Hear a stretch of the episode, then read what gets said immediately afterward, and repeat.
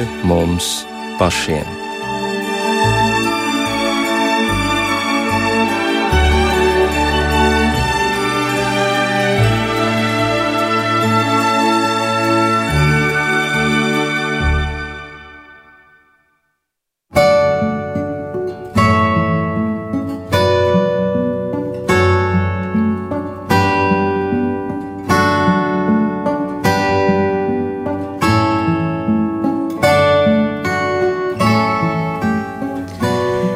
Sveicināti raidījumā pāri mums pašiem, lai ir slavēts Jēzus Kristus.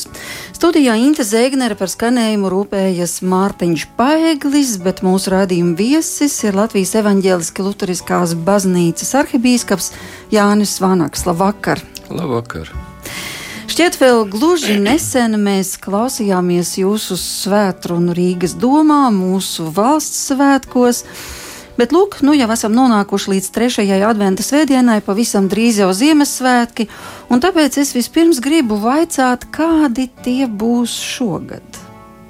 Bija jau tikpat kā ierasti un pašsaprotami, ka doma laukumā tepat, kuram nu pat garām jūs gājāt, Līdzās lielajai eglei un tirgus rosībai cilvēki 24. decembrī vakarā devās uz dievnamu, lai kaut vai uz mirkli satvertu šo svētku brīnumu, satvertu prieka mazumiņu, to mirdzumu, ko dod Ziemassvētki. Kā tas būs šajos Ziemassvētkos? Es laikam nepiekritīšu, ka mazumiņu Ziemassvētku jau ir tāds pāri plūstošs prieks. Es atceros, kad sāku kalpot vēl padomju laikos, tad man Baznīcā parasti tur uz dievkalpojumu bija kaut kādi nu, 50, 60 nu, cilvēku caurmērā saldu. Un tad Ziemassvētku vakarā es ienāku baznīcā no sakristējas pilns stāvgrūdām. Tas tāds nu, milzīgs pārdzīvojums arī pašam. Un, protams, arī bērnībā, kad kāds mazs skolnieciņš gāja uz baznīcu, tas bija tāds liels prieka piedzīvojums. Tā kā Ziemassvētku ir vareni svētki, tur nav runa par mazumiņu. Bet šogad jau uh, Ziemassvētku būs citādi, protams, sakarā ar visiem ierobežojumiem. Nu, es būšu kā parasti domā, kā jau nu, mācītājiem jau ir zināms grafiks. Viņi iet uz savu dievnam un notur dievkalpojumus, kaut arī mm, cilvēki tiek aicināti, varbūt sevišķi tie, kam ir kaut kāda augstēšanās, nenākt uz baznīcu. Bet nu, mācītāji garīdznieki iet un kalpo, un arī es Ziemassvētku vakarā būšu. Domā, ja Dievs gribēs un dzīvosim. Un, un, tur dievkalpojums notiks. Uh, tam ir iespēja sekot līdzi televīzijā, es pieņemu arī rādio. Varbūt. Jā, tieši tā arī būs. Mēs arī translēsim. Un uh, šogad, uh, redziet, tie ierobežojumi, piemēram, ir tādi, ka mums neļauj īsti dziedāt vairs baznīcā, jo dziedot, izdaloties visi tie pilieniņi pastiprināti, un tāpēc nedrīkst vairāk par četriem cilvēkiem baznīcā dziedāt. Un tāpēc mums būs tā, ka Tur ir domāts par mūziķiem, par solistiem, kas dziedās tur Ziemassvētku dziesmas un atbildes uz liturģiju, tā, lai mēs tiešām godprātīgi visi ievērotu. Bet uh, televīzija ir apņēmusies uh, titros likt arī Ziemassvētku dziesmu tekstus, tā kā visi, kas mājās sekos līdzi, iededziet eglīti, dziediet līdzi, sviniet līdzi dievkalpojumiem. Ja? Nevis vienkārši tur noskatoties, staigājot pa māju, bet tiešām pie, pie televizora vai pie radio sviniet līdzi tos dievkalpojumu. To es varu tā aicināt un ieteikt, jo šajā reizē tā masveidīgi sapulcēties baznīcās mēs laikam nevarēsim. Pie ekrāniem savukārt būs viena liela draudzene. Jā, tas es ceru, ka tā būs. Jā, cilvēkiem vajadzētu izmantot uh, to iespēju piedalīties. Es domāju, ka varbūt tieši tiem, kas uh, vairs kaut kāda iemesla dēļ nespēja aiziet līdz baznīcai arī normālā laikā. Nu, būs jāpadomā vispār, varbūt mums eh, ar televīziju jāsarunā, ka turpmāk eh, dziesmu teksts liek titros un ka visi var dziedāt līdzi un piedalīties. Tā, tas nu, jāizmanto tās iespējas, kas ir. Jā, bet es atceros lieldienu dievkalpojumu, kad eh, dievnamā bijāt tikai jūs, Gunārs Prānis, kurš dziedāja uh, un Aigars Reinis pie ērģelēm. Un, manuprāt, tas arī bija viss. Vai šajos Ziemassvētkos šis modelis tiešām ir līdzīgs, vai tomēr kaut neliels, neliels apmeklētāju skaits, ierobežots varbūt ar pierakstu, es nezinu, kāda ir tā jūsu kārtība, nu, redziet, varēs tā, tā ieiet ideja, baznīcā? Tā ideja ir tāda, ka organizēti visi pasākumi rīkot nav atļauts. Pasākums rīkot nav atļauts. Garīdznieks vienkārši dodas uz baznīcu, viņš nedrīkst to nedarīt un notur dievkalpojumu savā laikā. Savukārt baznīca ir publiska telpa, kas principā nav aizslēgta un cilvēki jau tur var ienākt. Bet tad ir jāievēro Un tas attālums, ka tagad ir 10 kvadrātmetrus cilvēku jābūt, ir jābūt dezinfekcijai, un tad tur ir jāizrēķina katrā baznīcā, nu, cik tad apmeklētāji drīkst ienākt vienlaicīgi, un tad kādam darbiniekam pie durvīm Nu, ir jābrīdina, viss tagad ir. Nu, tagad, tagad ir viss, tagad jā. ir viss, jā. Bet tā cilvēki jau var ienākt baznīcā arī tajā laikā, kad tur notiek dievkalpojums. Nu, jā. Um, šis laiks tomēr katru gadu, bet varbūt īpaši arī šogad nāk ar tādu klusu smeldzi, tā kā gribētos to laimīgo mirdzumu, to debesu brīnumu, bet tomēr kaut kā pietrūkst vai nu vientulības par daudz, vai veselības par maz. Nu, tādas pilnīgi nenosakāma rakstura ilgas pēc kaut kā skaista, kad nu, es beidzot varēšu pateikt, varbūt šajā Ziemassvētku naktī, beidzot es esmu laimīgs, cik tas ir brīnišķīgi. Un kāpēc es teicu par to mazumiņu?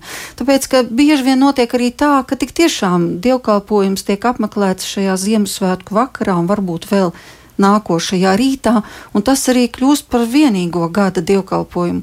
Un tad nu, mēs cenšamies satvert kaut vai to mazumiņu no tā brīnuma. Bet vai tomēr tās nav tikai ārējās tādas emocijas, ko mēs cenšamies tādā veidā noķert?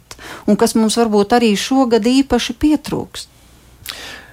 Nu, protams, ka vienā dievkalpojumā satvert kaut ko veselam gadam, tas ir diezgan problemātiski. Jo nu, tas ir tā kā no kalna lejā. Tad vispirms ir tas pārdzīvojums un piedzīvojums, bet ikdienā tas jau tā, tā kā atslābst. Un, ja cilvēks regulāri nepraktizē savu, savu garīgo dzīvi vienā vai citā veidā, tad viņi vienkārši izčākst. Tas ir sen pārbaudīts fakts.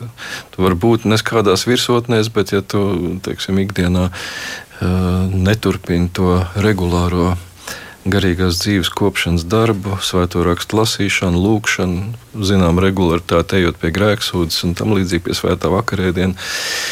Nu, tad pamazām atslāpst tā uguntiņa. Un, tā satvert kaut ko veselam gadam, nu, tas nav vienkārši. Tas, nu, kaut vai vienam vakaram. jā, ne, es domāju, ka veselam gadam tas būtu attaisnojums cilvēkiem, kas tiešām nu, nespēja aiziet uz baznīcu, ka tad ir jāorganizē, lai kāds ratiņkrēslā aizved vai tam līdzīgi. Vai, bet, bet normāli jau vajadzētu iet visu laiku uz baznīcu uz dievkalpojumiem un piedalīties kaut kādā veidā, tieši vai attālināti, kā paš, pašlaik šajā ārkārtas situācijā. Kāds bija tur tā jautājuma otrā daļa? Ja es vien atcerētos, ja es vien pati jā, to atcerētos. Tik, tik gari sāk atbildēt, ka aizmirst to otru daļu. Jā.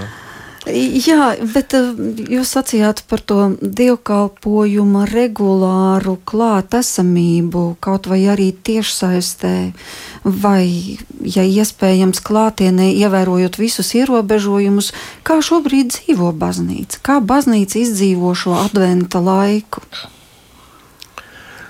Nu, tā vispārīgi runājot, protams, šis ir tāds pārorganizēšanās laiks. Mēs domājam, kā mēs varam uh, tomēr cilvēkus sasniegt, uh, te pašā laikā neradot to ilūziju, ka nu, arī normālā laikā, turpmāk, kad beigsies pandēmija, uh, tad varēs tā mājās pie ekrāna dievkalpojumos piedalīties. Es domāju, ka adventa laiks ir gaidīšanas, ir ilgošanās laiks, un tur ir vesels stāsts aiz tā, ko tad mēs gaidām adventā ja, un kā tas ir bijis. Eh, šodien, trešajā adventas svētdienā, bija stāsts par Jānu Kristītāju, saucēju balss tuksnesī mūsu baznīcas lasījuma rindā. Eh, bet eh, arī citādā ziņā es domāju, ka mēs adventu laikā varam mēģināt izjust un modināt sevi ilgas, kad es atkal varēšu būt savā dievnamā, kad es atkal varēšu būt klātienē dievkalpojumā. Es varēšu, teiksim, paspiest roku vai apskaut savu tuvāko un teikt, miers ar tevi. Mm, tas viss, es domāju, ļoti saderīgi ir ar adventa laiku. Bet nu, tā īstā gaidīšana, tā īstā ilgošanās jau ir par dieva galīgo uzvaru. Jo uh, tad, kad Jānis Kristītājs teica šos slavenos vārdus, kad viņam jautāja, nu, bet, ja tu neesi Kristus vai tu neesi Elīja, tad kas tad tu esi? Ja? Viņš teica, es esmu uh, vēstneša balss, kas tuksnesī sauc, sataisiet tam kungam ceļu. Un tas ir citāts uh, no Iesaistas 40. nodaļas, manuprāt, tas bija trešais pants, kur nu, tas ir teikts, ja nolīdziniet kalns, aizbriet ielējas, sagatavojiet uh, kungam ceļu. Un viņš jau runā par faktiski par uh, Izraēla tautas izvešana no Bābeles trimdas, tā Bābeles trimda jau bija viens baismīgs notikums, apmēram nu, va, pat ja ne lielāka katastrofa, kā Latvijas, Latvijai un Latviešu tautai padomju okupācija un izvešanas uz Sibīriju. Tas tiešām bija kaut kas pilnīgi katastrofāls, ja, viskatastrofālākais bija tas, ka sagrāva templi. Jo tā nebija vienkārši kaut kāda svētnīca vai dievnams, bet tas bija dieva tā kunga mājoklis zemes virsū, ja, kur dievs mājoja. Un tagad atnāk Bābels ķēniņš un, un viņu kungu, kas bija tur izdzinis tautas no apsolītās zemes, viņiem ienākot, tagad kungs ir izmests ārā no viņa mājas, ja, un nav vairs, un viņa eksistencē vairs nav jēgas. Tas bija šausmīgs šoks, šī Bābels trimda. Un, tā ilgošanās, kungs, kad tu nāksi un kad, tu, kad tas beigsies, jā, tad, kad, kad tu vienreiz, un tad, kad atgriezās no Bābeles trimdas, tad nu, bija tā, tā kā liela uzvaras svinības, bet, bet bija arī tas, ka nāca pēc tam Romi, Helēņi, pēc tam nāca romieši, jā, un, un tās ap, iekarošana, apspiešana jau turpinājās, un visu laiku tā, tā ilgošanās, nu, kad tu beidzot kungs nāks un pieliks punktu šitam visam, kas notiek. Ja? Un Jānis Kristītājs citēja, ja saka, tagad tas notiek. Viņš norāda uz, uz, uz šo jauno uh, sludinātāju no Galilejas un saka, viņa personā tas kungs ir ieradies, lai svinētu savu galīgo uzvaru, lai valdītu kā ķēniņš par zemi un pasauli. Tas ir pilnīgi neiedomājams tāds uh, notikums, viss šis adventa laiks, tā ilgošanās pēc dieva galīgās, pilnīgās uzvaras. Un tam bija tāda varbūt politiska un vēsturiska līnija, bet um, adventam un visai kristiešu dzīvē jau ir arī, ir arī garīgā līnija, ka mēs ilgojamies pēc dieva galīgās uzvaras mūsos. Uh, ka tas kunga kalns tiek teiksim, iesaistīts otrajā nodaļā, tad kunga kalns būs augstāks par visiem kalniem, pie viņa saticēs visas tautas. Ja, un, un, un, jā, visas mūsu personības un apakš personības pēc Freida, ja, kas mūsos sadzīvo un cīnās savā starpā, ka viņas sanāk pie šī Kristus kalna un pārkaļ zobenus lemešos. Un, un tie vairs nav kara ieroči, bet kopšanas instrumenti, ja, kas sakārtojas viss iekšā, tāpēc, ka Kristus ir vai kunga kalns ir augstākais no visiem kalniem.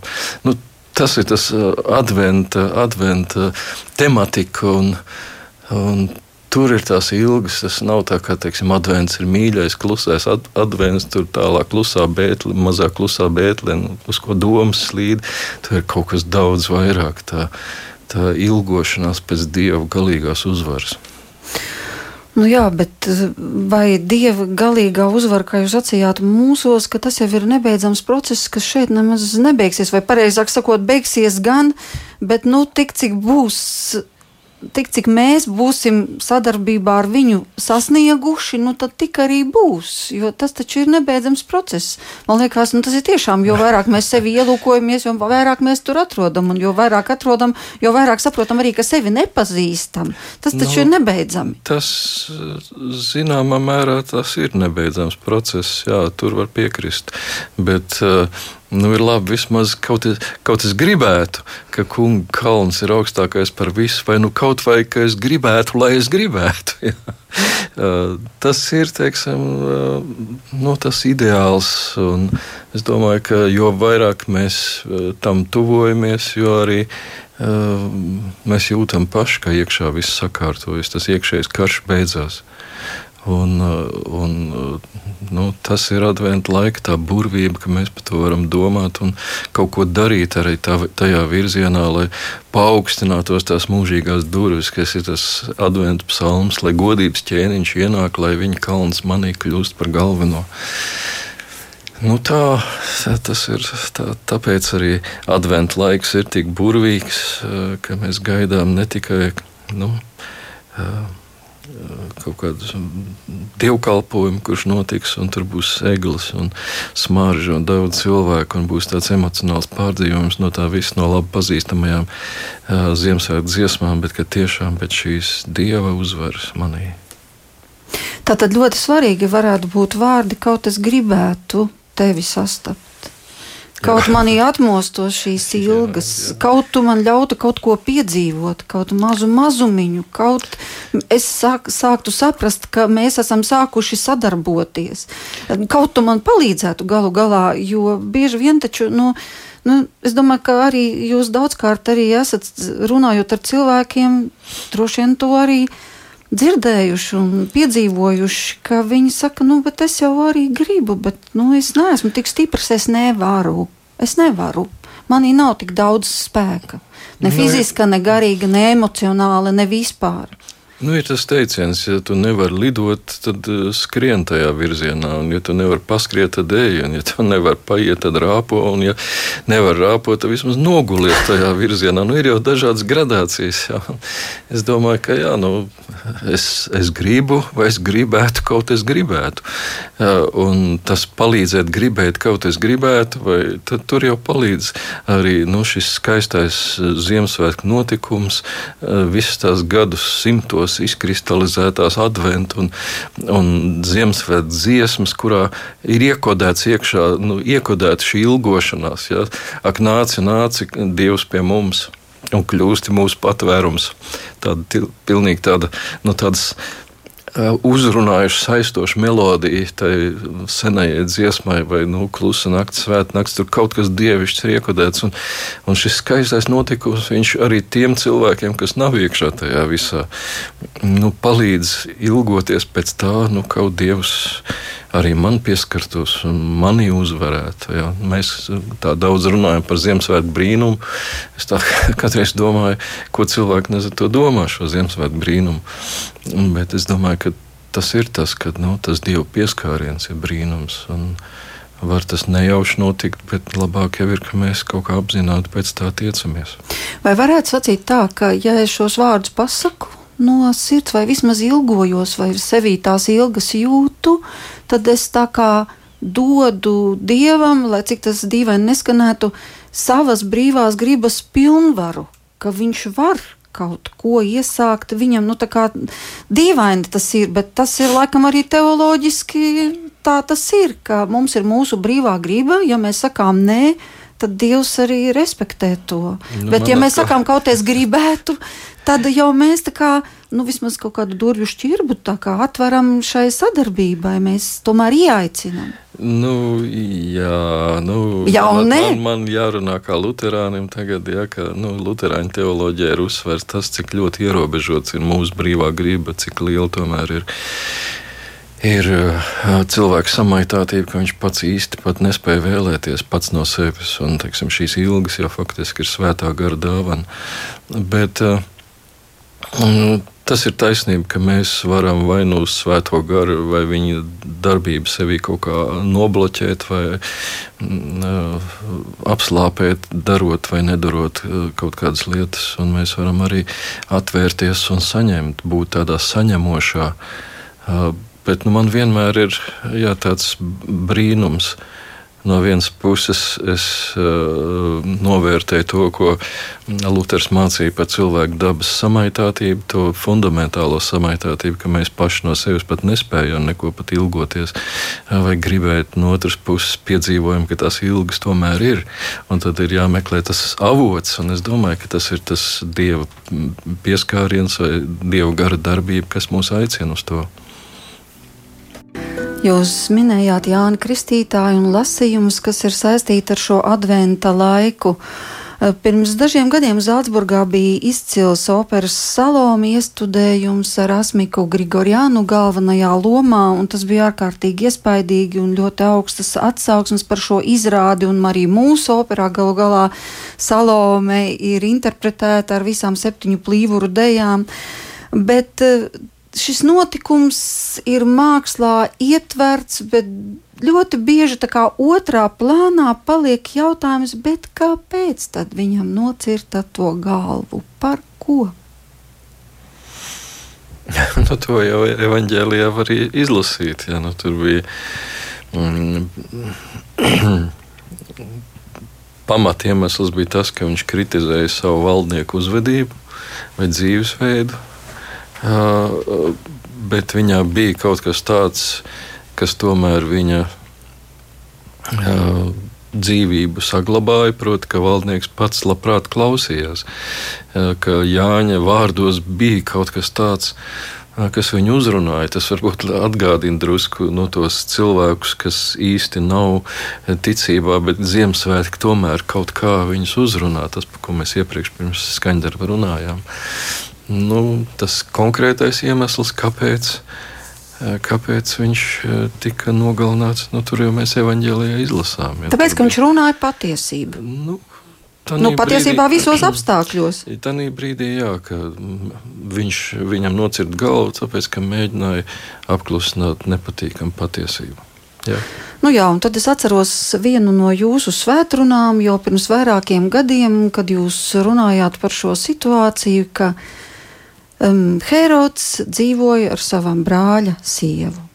Uh mhm. -huh. Un tad, kad viņš no rīta piecēlās no gultas, tad viņš piecēlās kā tāds, kā, kurš dzīvo kopā ar savu brāļa sievu. Kad viņš gāja vārīt rīta kafiju, viņš to vārīja kā tāds, kurš dzīvo kopā ar savu brāļa sievu. Un kad viņš veda ārā pastaigāties suni, tad viņš veda pastaigāties suni ārā kā tāds, kurš dzīvo kopā ar sava brāļa sievu. Un tālāk jūs sacījāt, ka no šīs vienas it kā nelielās pēdiņās lietas radās ļoti, ļoti smagas sekas visai valstī un daudzas negribētas nāves, un ka šīs mazās pēdiņās lapsas, kas bojā šo vīna dārzu, ķeriet mazās lapsas, kas izposta jūsu vīna dārzu, it kā tādas lietas, kas mums šķiet, ah, nu kas tur pavisam visu pasauli tā dzīvo, un ko te jūs te tagad vispār? Laulības, piemēram, kā Holandē, pusgada laikā viens laulības noslēgts. Nu, konkrēti. Ne jau katrā dievnamā, bet biju dievnamā, tur man paskaidroja, viens laulības pusgada laikā ir bijušas. Dzīvojam tāpat. Um, tā tad Ko es ar to gribēju teikt? Jānis tātad norāda uz grēku, dažādās grēka izpausmēs. Un nes ko Jānis Kristītājs sacītu par šodienas situāciju, ja viņš dzīvotu šodien? Es domāju, ka viņš sacīja to pašu. Jā, nu, viņš jau bija tāds bezkompromiss cilvēks, kurš saskatīja ļaunumu vai grēku un mums to arī norādīja.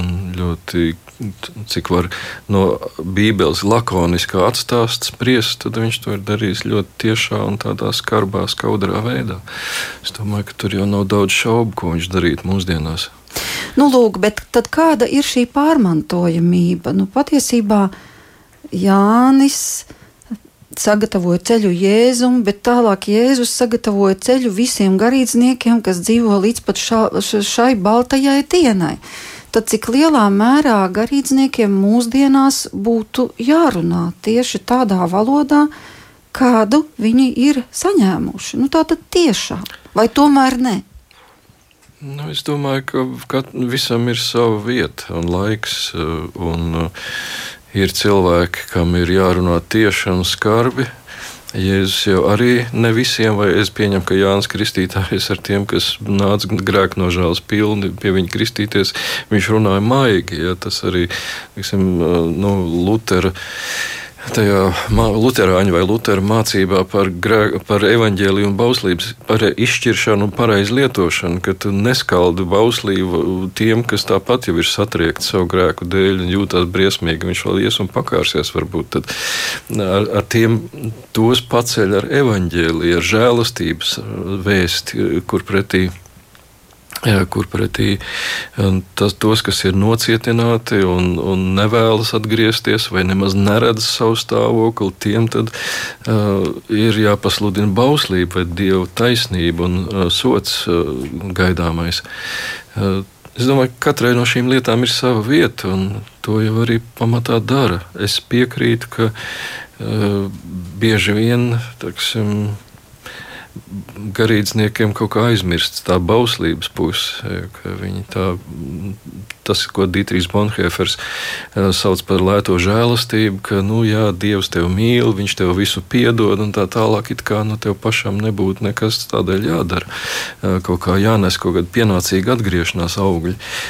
Mēs arī novērojam otru pusi, ja, kad ir mācītāji, kas ir aizmirsuši evaņģēliju un tikai saka, pātago draugu, un tad beigās tā draudzene izklīst. Ja, tad nevar, nevar jau no bauslības jau nedziedina cilvēku. Evaņģēlijas dziedina bauslību vai, vai šī skarbā runa. Viņa ksim, tā norāda uz kaut ko, dara uzmanīgu, pamudina atgriezties, bet ar to viens cilvēks nespēja dzīvot. Bet vai tad nav tā, ka bauslība norāda patiesībā uz mūsu stāvokli? Nu, jā, tieši tā. Un tas nav nekas patīkams, lai arī cik svēti un sen kristīti mēs nebūtu.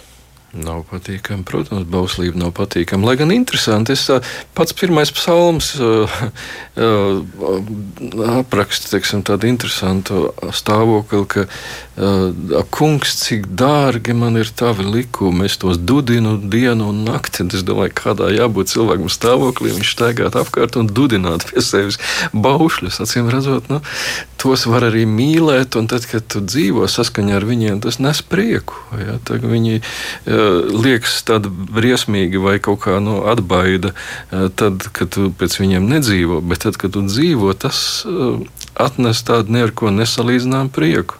Tas ir tā, kā ziedoņi tajā pasakā bija pa pogu, kas ir piešūta, ja, ka viņi tur visu laiku vairījās.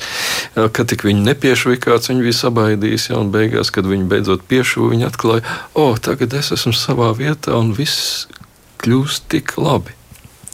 Jā. Jūs jau minējāt šos vārdus, tad nesiet pienācīgus atgriešanās augļus. Pirms tam Jānis Kristītājs saka, ļoti skarbi jūs oģu dzimums, kas jūs mācīja vairīties no nākošās dusmības, bet tad nu nesiet pienācīgus atgriešanās augļus. Kas ir domāti ar šiem atgriešanās augļiem un kā uz tiem šobrīd skatās baznīca? Nu, piemēram, viņš teica tā, kas ir zadzis, lai vairs nezog. Un tad pieņemsim, ka jums baznīcā atnāk kāds uz individuālu grēku sūdzu un saka, esmu zādzis un daudz. Un mācītājs tajā brīdī viņam saka, cik labi, ka tu to pateici. Es tev piedodu, vairāk nezodz.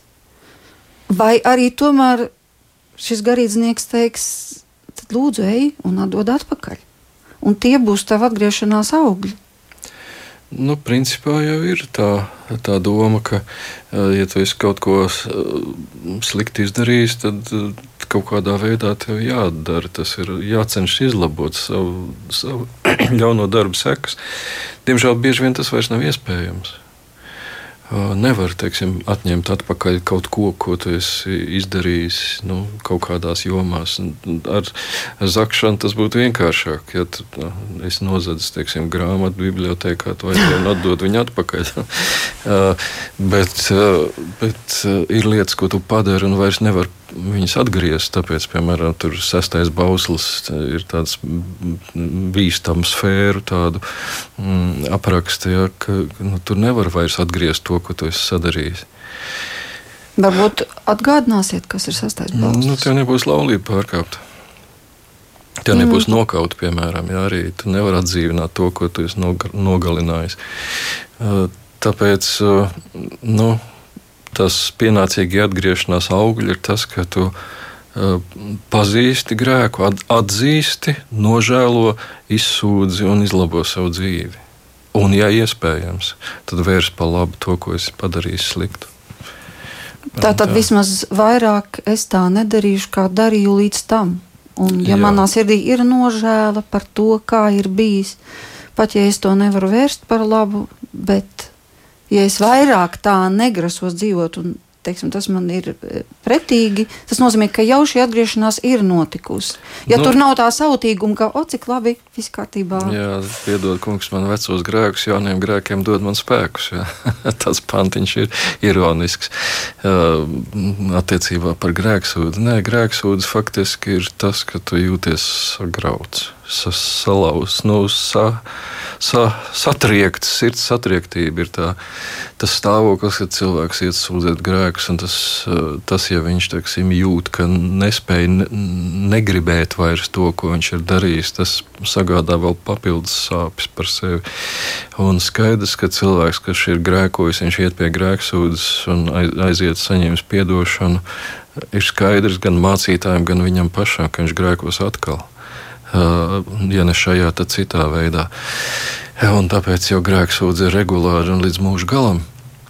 Ja mēs varētu tā, ka izsūdzam grēkus un vairs neko tādu nedarīsim, vai neko sliktu nedarīsim, tad priekš kam būtu vajadzīga grēksūdze. Bet nu, mums ir tā iespēja uh, apzinoties, ka, ka nav tik vienkārši izraut visu to grēku sakni no sevis.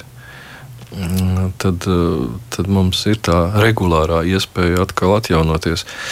Bet tā, tas, ko sauc par atgriešanās augļiem, teoloģijā to sauc nu, kā nu kurā konfesijā. Mums to sauc par svētdarīšanu vai svēttapšanu kas nāk pēc taisnošanas. Ja, kad Dievs Kristus upuru dēļ, Kristus ir uzņi, nodzīvojis to svēto dzīvi mūsu vietā, ko Dievs no katra cilvēka prasa, bet mēs neviens to neesam nodzīvojuši. Viņš to izdarīja mūsu vietā. Un mūsu vietā par mūsu grēkiem arī nomira. Ja, tas mūs attaisno šis fakts. Ja, tas nav kaut kas, ko mēs izdarām, ja, bet tas ir tas, ko Dievs ir izdarījis. Bet tagad, uh, ja mēs uz šo Kristus nopelnu to ticībā topam kristīti, un mums ir nomazgāti visi tie grēki, un mēs esam nožēlojuši un atgriezušies no savas iepriekšējās dzīves, tad tālāk ir jāsako svētapšanai, proti, ka mēs visiem spēkiem cenšamies savu dzīvi izlabot un grēkot mazāk. Nav diezko reāli, ka mēs domās, vārdos vai darbos vai ar nolaidību kaut ko atkal nesagrēkosim. Tas nav reāli. Un starp citu, jo, ja jūs skatījāties, piemēram, to filmu Sala, tēvs Anatolijas, ja, ka pirms nāves viņš saka, ka mirt nav briesmīgi. Briesmīgi būs Dieva priekšā stāvēt, ja, ka grēki spiež un mēs varam skatīties uz viņu kas tam viņam pa grēkiem? Viņš tāds svēts cilvēks. Brīnums caur viņu notiek, bet viņa sirdsapziņa ir tik jūtīga, ka viņš reģistrē visu, kas notiek viņā. Kā, bet arī uh, mūsu luteriskajās apliecībās ir teikts, ka, ja grēku piedošanai vai attaisnošanai neseko svētapšana, tad šī atgriešanās ir bijusi liekulīga, ka viņa nav bijusi īsta. Nevar tā, ka vienkārši tev atlaiž grēkus un tā kā pīlē ūdens. Ja tam neseko vismaz labticīga cenšanās kaut kā izlabot savu dzīvi, tad tā atgriešanās, tā grēka nožēla ir bijusi nu, teiksim, liekulīga. liekulīga. Jūs jau minējāt pravieti Iesaju, un Tas jau arī ir pasludinājums, kas būtībā attiecās uz laiku, arī uz šo adventa laiku un uz to, ko mēs gribam piedzīvot un ceram.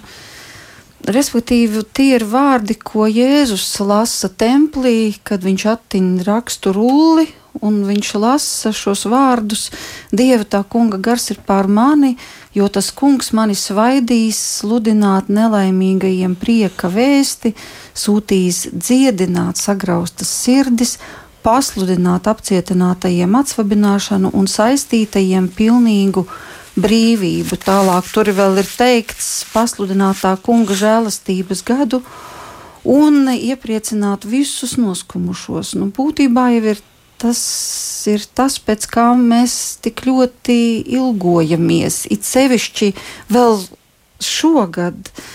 Kad ir tik daudz nedrošības visapkārt, varbūt jūs arī būsiet ievērojis to, ka tās ir tādas arī baiļu un neusticības uh, salas sfēras, kas veidojās tāpēc, ka pirmkārt bail no vīrusa, otrkārt bail no cilvēkiem, kas pienākuši pārāk tuvu. Arī saprotams, kāpēc. Bail, bail, bail no nākotnes, bail kas ar ekonomiku un tā tālāk. Šīs baiļu formas ir tik dažādas. Jā, visbeidzot, bail, kas būs pēc tam, nu, varbūt tas ir tas jau augstākais garīgais līmenis, bail nostāties Dieva priekšā. Mm. Bet vienalga tās neziņas ir tik daudz, kur tad rast tos atrisinājumus. Un tas nav tikai jautājums fake news vai good news.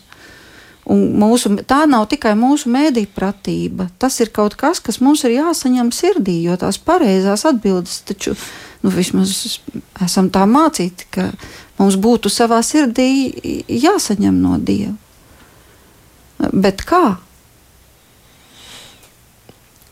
Nu, es domāju, ka tas jau tur nav nekāda raķešu zinātne. Uh, tad, kad mēs uh, Saņ, lai saņemtu atbildes, mēs lasām svētos rakstus, mēs lūdzam, mēs meditējam par svētiem rakstiem, dodamies uz rekolekcijām, kam ir tāda iespēja. Mēs runājam ar, ar garīgi pieredzējušiem cilvēkiem vai vienkārši ar cilvēkiem, kas ir mūsu ceļa līdzbiedri ceļā uz mūžību un uz Dievu. Un visā šajā norisē jau atrodas atbildes, jo Dievs jau runā uz mums nevienmēr teiksim, caur kaut kādu rakstītu vārdu, bet bieži vien caur notikumiem, kuriem mēs tā uzreiz nemaz kādu reliģisku nozīmi nepiešķiram. Bet tomēr tie mums palīdz kaut ko aptvert, kaut ko saprast. Tas nenotiek uzreiz. Cilvēki jau visu mūžu kādreiz meklē uh, atbildes uz lielajiem saviem jautājumiem. Man šķiet, gan, ka, ja mēs gribam tā fundamentāli uz to paraudzīties, tad jā, pasaulē ir problēma tāda, ka cilvēka, cilvēka dzīvē ir ciešanas. Un sāpes ir tā realitāte, teiksim, ko laikam vienīgā, ko neviens nekad neapšauba un neapstrīd. Un pasaulē ir arī ļaunprātība. Un tas ir tas, ar ko mēs saskaramies. No vienas puses ir šīs ciešanas, kas ir tīri fizisks, kā slimības pārbaudījums, vai kā, teiksim, kā mājas arestā mēs esam, vai vēl kaut kas vēl sliktāk var kļūt, ka mums komandants stundu noteiks, vai vēl kaut ko tās ir tādas jau pat nerunājot par to, ko izcieš cilvēki, kas ir saslimuši. Bet tad ir tas, ko jūs pieminējāt, visas tās aizdomas, ja, ka pasaulē ir ļaunprātība. Un būtībā tas, kas notiek šobrīd ar šo covid krīzi, vai ar visu to, kas ap to saistās, Ļoti daudz neziņas. Jā, neziņas, un arī kaut kas tāds, ka ir ierastās norises izrādīts, ka tas, uz ko mēs paļāvāmies, piemēram, ka es varēšu. Nu, novembrī, vai kad tur man bija jāiztaisa analīzes un jāiet pie ārsta. Es tagad nevaru aiziet pēkšņi. Tagad tas kaut vai šādā vienā lietā ir izrādīta tā ieplānotā norise, un tas varbūt nav pat briesmīgākais, kas no, ar cilvēkiem notiek. Tad fundamentāli mums ir jāatrod kaut kāds veids, kā mēs varam pacelties pāri reāli esošajām nu, dzīvē piemītošajām ciešanām un ļaunprātībai. Un kā? Un, uh, un tas ir tas teiksim, uzdevums, kas mums dzīvē ir. Un tur, es domāju, ir dažādas lietas.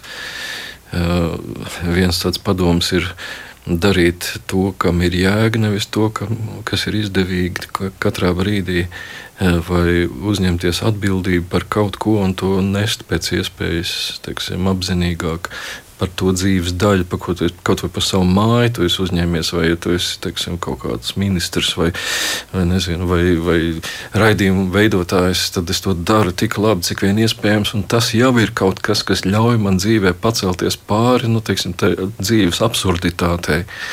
Uh, un, uh, tādā galīgā, vismaz priekš sevis, es nevaru priekš citiem to visu teikt. Es varu padalīties, ka man tā galīga atbilde bija mm, tā, ka iemīlot Kristu, mēs cenšamies viņam būt pēc iespējas tuvāk un uh, tik tuvu, lai viņa dzīves pieredze atspoguļojas arī manā pieredzē ka es eh, dzīves problēmām pieeju ar to pašu pieeju, kā Kristus darīja, un esmu gatavs pieņemt tās pašas sekas. Un tad, ja es spēju iemīlēt Kristu, Dieva žēlastības teiksim, vadīts arvien vairāk, tad arvien mazāk man uh, nomāks un satrieks uh, šīs ciešanas, dzīves ciešanas un, un uh, apkārt esošā ļaunprātība, pat ja viņi man piemeklēs. Mēs nevaram nevienam cilvēkam garantēt to, ka ar viņu nekas slikts nenotiks. Mēs varam tikai mm, meklēt un norādīt uz ceļiem, kā ir iespējams tam pacelties pāri un to izturēt un atrast kaut kādu veidu un iemeslu, kāpēc ir vērts dzīvot.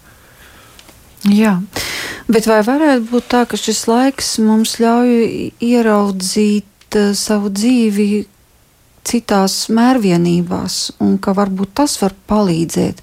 Nu, ka mēs vienkārši nevis skatāmies uz šo dzīvi kā vienīgo posmu, kas mums ir un kurš ir kļuvis nedrošs, bet uz šo dzīvi kā uz nogriezni, pēc kura seko visi dieva apsolījumi, kas ir sacīti.